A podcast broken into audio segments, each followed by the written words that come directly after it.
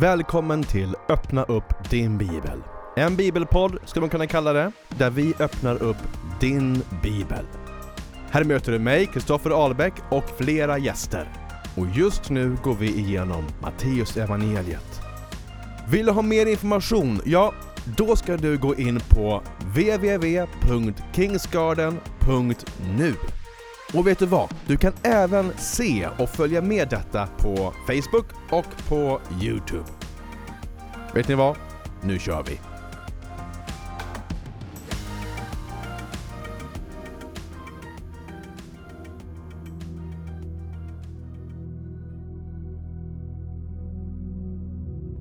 Hej och jättevarmt välkomna hit till Öppna upp din bibel.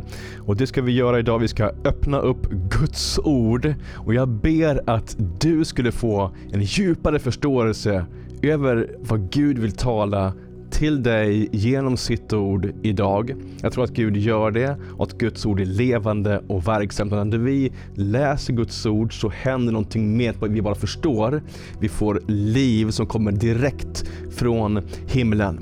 Du vet vad? Jag har med mig eh, Rickard Salander idag. Han ska undervisa och eh, dela med sig till oss idag. Och innan vi bjuder in honom så vill jag uppmuntra dig till att klicka på den där like-knappen, dela den här sändningen och har du frågor skriv dem här nere eh, och ta fram din bibel. Så med det så bjuder vi in Rickard just nu. Hallå Rickard! Hej och tack för den här inbjudan. Jättekul, är det bra med dig? Det är bra med mig och det känns jättekul att vara tillbaka här och göra det här tillsammans med dig, Kristoffer. Ja, verkligen. Det var så fint förra gången du. Uh, Rickard, för de som inte har mött dig förut, vill du berätta lite kort om vem du är och vad du gör? Ja, jag drar det mycket kort, men jag är född och uppvuxen i Stockholm. Blev frälst som vuxen, 33 år gammal. Det är snart 17 år sedan, så tiden går fort tycker jag. Eh, så jag har vandrat med Jesus sedan dess. Jag är aktiv i förkunnelsetjänst. Jag jobbar på en organisation som heter Blåkors i Oslo. Så jag är bor i Norge. Så skulle jag av och till använda något konstigt ord som inte är svenska så är det för att jag har börjat svorska som man säger här borta i Norge. eh, man blir liksom försvorskad i, när man bor här borta. Mm. Och språk, språken ligger så nära så de flyter ihop lite grann. Jag är gift med Sandra och har två barn, eh, Herman och Hanna. Och eh, så jobbar jag med någonting som heter Predikantskolan, en onlinekurs som, där jag tränar troende och predika ett kraftfullt evangelium som också visar sig gång efter annan fungerar perfekt för människor blir frälsta när de hör evangeliet. Wow. Så det är fantastiskt kul. Wow, härligt. Så, så ja, det om det. Vad kul. Men du Rickard, ja. vi ska läsa Bibeln idag. Jajamän. Och vi ska läsa om när Jesus kallar Matteus. Ja, precis. Det är väldigt fint. Uh, jag gillar Matteus. Ja, vad bra. Härlig kille, speciell kille. Uh, ja. Men du, vill du bara be för oss kort? Och så ja. dyker vi in sen. Yes. Jag tackar dig Jesus för alla som ser på det här, om de ser direkt eller efterhand eller när ni än ser spelar ingen Tack, roll. Jesus. Jag tackar dig för att du ska bli välsignad av de ord som kommer från min mun, men också av de ord som du parallellt med min eh, med det jag delar parallellt i ditt hjärta så kan den helige anden tala direkt till dig som lyssnar och han, kanske hör du något annat än det jag säger men må du bli välsignad och få liv och uppenbarelse och egentligen liv i överflöd av det som kommer idag från den helige Anden. Det ber jag för i Jesu namn. Jesu namn. Amen. Tack Jesus. Nu Rickard, varsågoda. Yes, vi dyker in i ordet. Eh, jag kommer dela från den här perikopen som jag har lärt mig att det heter utifrån på ett ganska fritt sätt. Perikop tycker jag är ett kul ord. Det påminner lite om periskop. Men, eh, och, och, det är inte så dumt för det är, liksom, det är lite som ett periskop. Man dyker upp mm. någonstans i bibelberättelsen och får ett sammanhang. Eh, så det, det, är inte så viktigt vad, att det heter perikop, men jag tyckte ändå det var lite kul. Sidospår. eh, men Gud har humor, så det, det här tål ni att höra, tänker jag. om perikop och periskop. Eh, men det här handlar om Matteus och det är Matteus evangelium som vi utgår ifrån. Så det är hans mm. eget evangelium som han har skrivit och här kommer berättelsen om hur han och Jesus möts ifrån hans egna ord. Det, bara det är ju spännande. Men det står så här, Jesus, Jesus gick vidare och fick se en man som hette Matteus sitta utanför tullhuset. Han sa till honom, följ mig, och då steg Matteus upp och följde honom. När Jesus sedan var gäst i hans hem så kom många publikaner och syndare och låg till bords tillsammans med Jesus och hans lärjungar. Fariseerna fick se det och frågade hans lärjungar Varför äter er mästare med publikaner och syndare? Eh, God bless you. eh, publikaner och syndare. Jesus hörde det och sa eh, att det inte är de friska som behöver läkare utan de sjuka. Gå och lär er vad detta ord betyder. Jag vill se eh, barmhärtighet, inte offer, ty jag har inte kommit för att kalla rättfärdiga utan syndare. Mm. Wow. Och vi ser lite spännande saker här. Först och främst, Matteus, han var en tullare. Och det är ju inte riktigt så som när vi tänker på tulltjänstemän i Sverige eller i Norge där jag bor för det är ju liksom vanligt folk som har ett jobb som de går till. Det här var någonting annat på Jesu tid. En tullare på Jesu tid, det var en, en maffiaboss, en maffiatyp som var duktig på att pressa folk på pengar. Det var så här att när romarriket tog in folk som skulle hjälpa till att ta tullavgift, skatter, så tog de de här som hade varit utpressade och maffiatyper Just det tog dem och gjorde till tullare som skulle ta in, dra in pengar från folk. Romarriket var en ockupationsmakt i riket på den här tiden.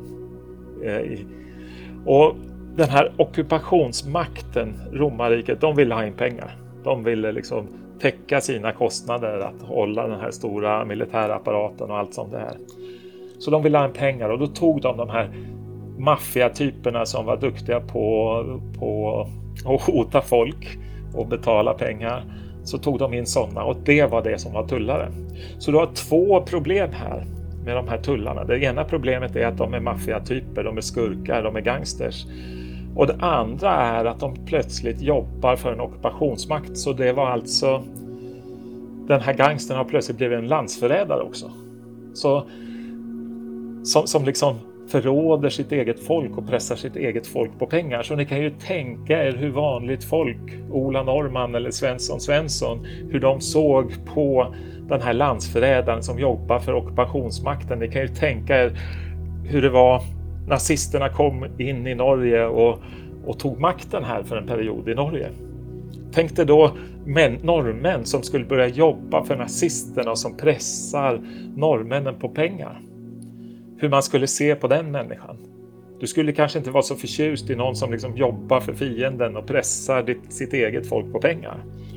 Och som dessutom har en historik av att du är en, du är en gangster. Du, liksom, du har hållit på med, med kanske med narkotika, eh, prostitution, allt möjligt. Och, och sen tillägg på det så har du liksom knäckt knäskålarna på folk och pressat folk på pengar. Det var alltså någon slags gangstertyper som blev tullare. Och Bibeln pratar här om syndare och tullare. Och syndare och tullare låter som liksom att det är någon slags synonym här. Det är liksom syndarna och tullarna, det var de här hemska typerna, de här hemska människorna. Och så kommer Jesus förbi tullhuset och så ser han Matteus och så säger han Följ mig. Han sa samma sak till Petrus, följ mig sa han till Petrus och Petrus släppte sitt fiskarnät och följde Jesus. Nu kommer han till den här tullaren Matteus och så säger han följ mig. Och vad gör Matteus? Den här gangstern som jobbar för ockupationsmakten, han bara reser sig och följer Jesus. Det är någonting med Jesus som är så extraordinärt att när han säger, ger besked till de här personerna Matteus, Petrus och andra och säger följ mig, så reser de sig upp, släpper sitt arbete och bara följer. Bara det är så extraordinärt. Vem är denna Jesus egentligen? Hur, har, hur kan han ha den här magnetiska effekten på människor? Vi vet ju att Jesus var sån så att när han kommer ner från förklaringens berg till exempel så stod det att människor sprang honom i möte. De sprang för att möta honom. Syndare drog sig nära Jesus. Bara där kan vi börja fråga oss, lever vi ett sådant liv så att syndarna dras till oss som magneter och att de vill vara tillsammans med oss och umgås med oss? Om de inte vill det, så kanske du ska ställa dig en och annan fråga. Varför vill inte syndarna vara med mig? Kanske har du blivit lite för religiös och blivit lite dömande i dina hållningar så att det blir som att när man vänder magneten så far den andra motpolen till magneten far bort. När vi ska vara magneter som drar till oss syndarna så att vi är som Jesus, vi blir syndarnas bästa vän så de vågar vara nära oss för de vet att av oss så blir de inte fördömda. För det är så att Gud sände inte sin son till världen för att döma världen utan för att var och en skulle bli frälst genom honom. Och det ser vi här på att den här syndaren, den här gangsterbossen, den här mafiosotypen som, som är en landsförrädare, han följer Jesus. Det betyder att han känner sig inte dömd av Jesus, han känner sig inte attackerad utan han upplever någon positiv upp, han får en positiv upplevelse av Jesus. Följ mig och så följer han. För vi kan ju klart förstå att Matteus inte var en sån som brydde sig så väldigt mycket om vad andra säger, för då hade han aldrig jobbat som tullare för romarna. Då hade han liksom avsagt sig det uppdraget på en gång om han hade brytt vad folk tyckte om honom. När han fortsatte vara den här maffiatypen i, i, i romarrikets eh, tjänst. Och det var ju så att de fortsatte ju vara gangsters i romarrikets tjänst. De tog in skatt, men romarriket lät dem stoppa lite i egen ficka också. Det framgår av bibelberättelserna att det var som att de stoppade i egen ficka. Bland annat så kan vi se det i berättelsen om Sackeus. Och, och det innebär att romarriket tillät nog det för att då visste de att då, då skulle de här gangstertyperna fortsätta vara lojala. För vad var deras liksom, vad var deras vinster här? Jo, det var pengarna som de stoppade i egen ficka. De, de spädde på och kunde ta in lite mycket. De var duktiga på att pressa folk på pengar helt enkelt. Och vi kunde se det i berättelsen om Sackeus, för det han hade liksom stulit, där gav han plötsligt dubbelt igen. Så han hade stulit. Och jag tror att det gällde de flesta tullarna. De var duktiga på det där med att eh, pressa folk på pengar. Men Matteus han följer Jesus. Och vad händer? Vad, vad är liksom nästa sekvens i, i berättelsen? Jo, plötsligt så är det fest. Och Jesus är gäst hemma hos Matteus. Så det har ju skett någon slags ordväxling, någon invitation. Kom hem till mig eller någonting har ju hänt för plötsligt är Jesus gäst och det är fest. Och du som inte har förstått det så, så är Jesus, han är en festprisse. Om man får använda sådana ord. Nej, men så kan du inte säga om Jesus. Ja, fariséerna sa det. Han, de kallar honom för storätare och stordrinkare. Du bara äter och dricker med syndare och tullare och de var liksom så arga på det här. Och det sker ju i den här berättelsen också. Han umgås plötsligt med syndare och det står att många syndare och tullare var där. Om du tänker en maffia-typ. När de har fest, vilka är det som är där? Ja, det kanske kommer dit lite drogdealare, det kanske kommer dit några sådana här torpeder som är ute och har knäckt knäskålarna på folk. Det kommer dit eh, alla möjliga sorter, prostituerade, eh, missbrukare, alla sorters människor som kanske du eller jag i värsta fall skulle se ner på. Jag hoppas inte det. Men i värsta fall kanske vi skulle kunna göra det. Tänk dig en sån setting att Jesus som en andlig ledare, han är på en sån för att spetsa till det, han är på en typ av fyllefest, fylleslag med prostituerade, drog, drogmissbrukare, vilka som helst kunde vara där. Det var syndare och tollare. Översätt det här till din moderna verklighet. Hur skulle en sån där maffiafest se ut idag? Kanske i källan på nattklubben. Men där var Jesus, mitt bland syndarna. Mitt bland mafiosos, prostituerade, fariseerna blir upprörda. Du kanske kan förstå det när jag börjar beskriva det på det sättet. Kanske till och med du skulle ha blivit upprörd och tänkt hur kan min andliga ledare eller pastor, hur kan han vara på en sån där svart klubb med mafiosos och prostituerade och det är spel och det är missbruk och narkotika. Hur kan han vara där? Min andliga ledare, jag, jag kan inte ta honom på allvar längre. Kanske skulle du ha reagerat som fariséerna och tänkt Fy! Hur kan han vara med de där syndarna? Kanske hade du reagerat så och då kanske du kan börja förstå den här berättelsen i rätt ljus. Det är så lätt att tänka, ja men det var fariséerna och de var så hemska, för det har vi lärt oss. Men kanske var de fariséerna så normala i sin kontext att till och med du och jag kanske hade varit fariséer i en liknande kontext. Om vi hade fått se vår andliga ledare idag springa på en sån fest. Kanske var festen på en strippklubb. Förstår du, förstår du min poäng här? Verkligen. Jag, spets, jag spetsar till det, men jag spetsar till det för det är liksom, det är ju, vi måste översätta bibelberättelserna lite till vår egen tid så vi fattar poängen här. Ja. För vi levde inte på Jesu tid och det kan låta så annorlunda, tullar och syndare och fariseer det är lite abstrakt för oss för vi lever inte i den kulturen. Så därför försöker jag liksom modernisera berättelsen lite så du, ska, så du ska se vad innebär det här egentligen. Jesus var på fest bland syndare och tullarna och fariseerna de blev så upprörda. Och så säger Jesus, jag har inte kommit för de rättfärdiga utan för de för, för syndare, för de sjuka säger han. Och då är det så lätt att vi hör den här kontexten fel och tänker kanske, jaha, ja, men fariséerna var rättfärdiga.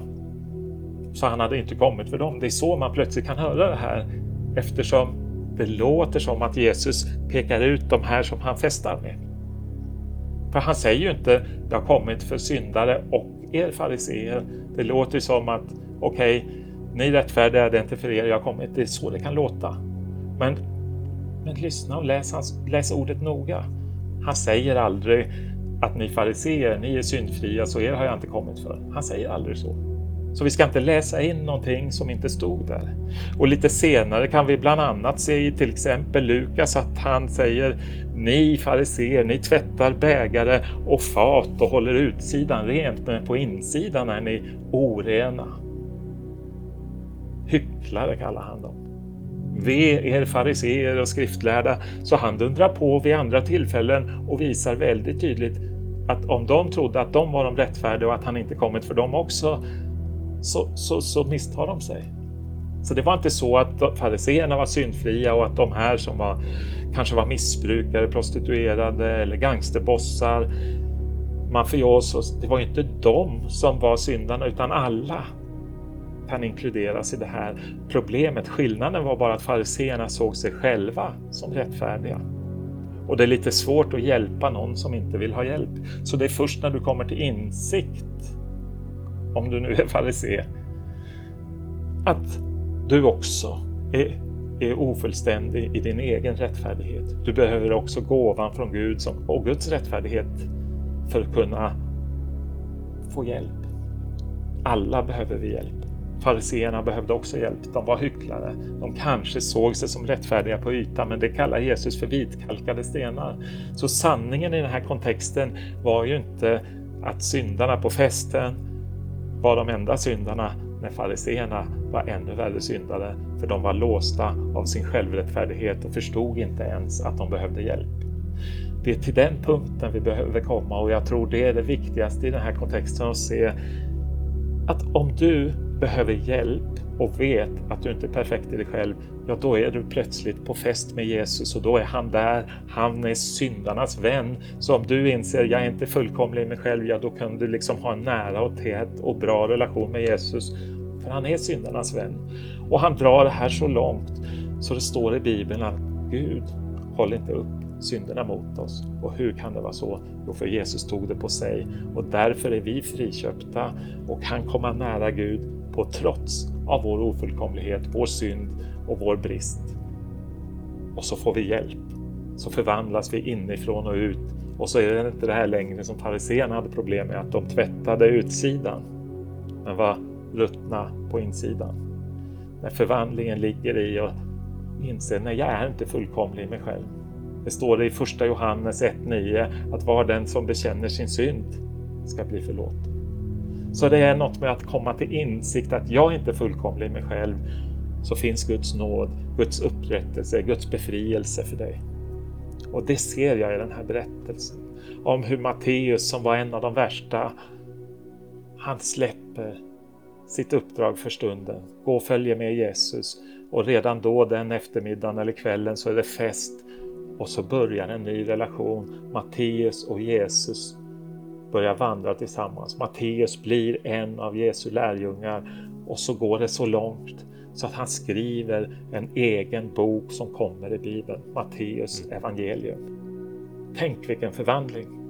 Från den här tullaren, syndaren som folk såg snett på, så blir han en av bibelförfattarna som förmedlar evangelium om Jesus Kristus vidare. Va? Det är ju att gå från den ena nivån till en fantastisk härlighetsnivå. Han är plötsligt en av de tolv lärjungarna. Han skriver ett eget evangelium. Matteus, syndaren, tullaren. Så tänk mm. dig om du kanske har varit långt borta från det man kan tycka är helighet. Om du har varit en syndare, en tullare, en vad du än har varit, en gangsterboss.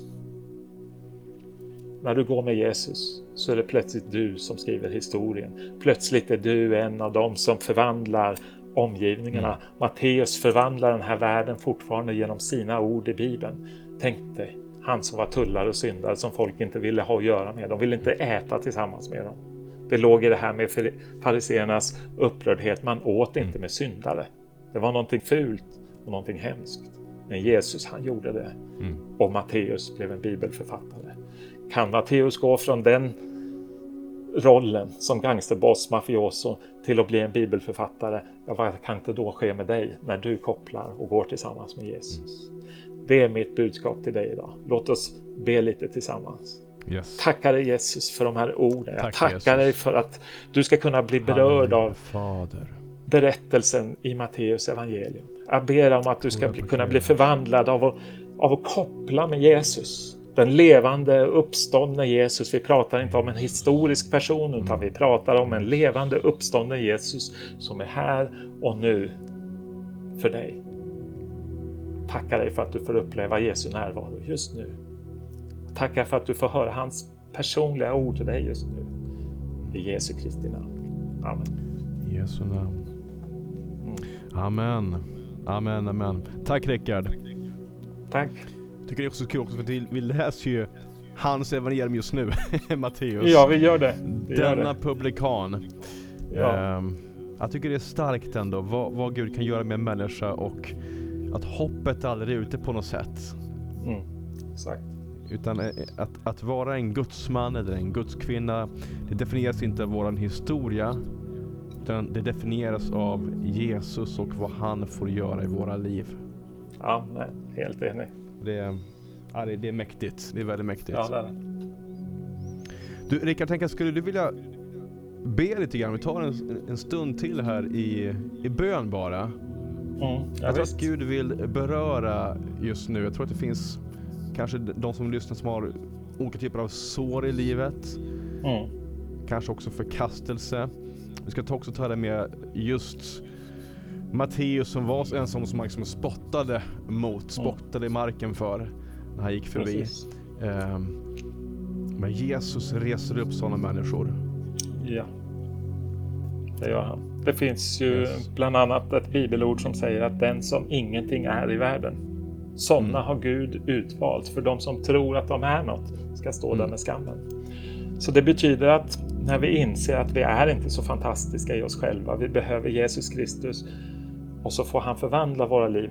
Där händer någonting och det betyder ju inte nu förmedlar inte jag påståendet att du inte är någonting och att du är värdelös. Det är långt ifrån sanningen. Det är inte det jag prövar att säga. Men vi är långt ifrån fullkomliga och perfekta i oss själva. Men för Gud så är du dyrbar och värdefull yes. i alla lägen.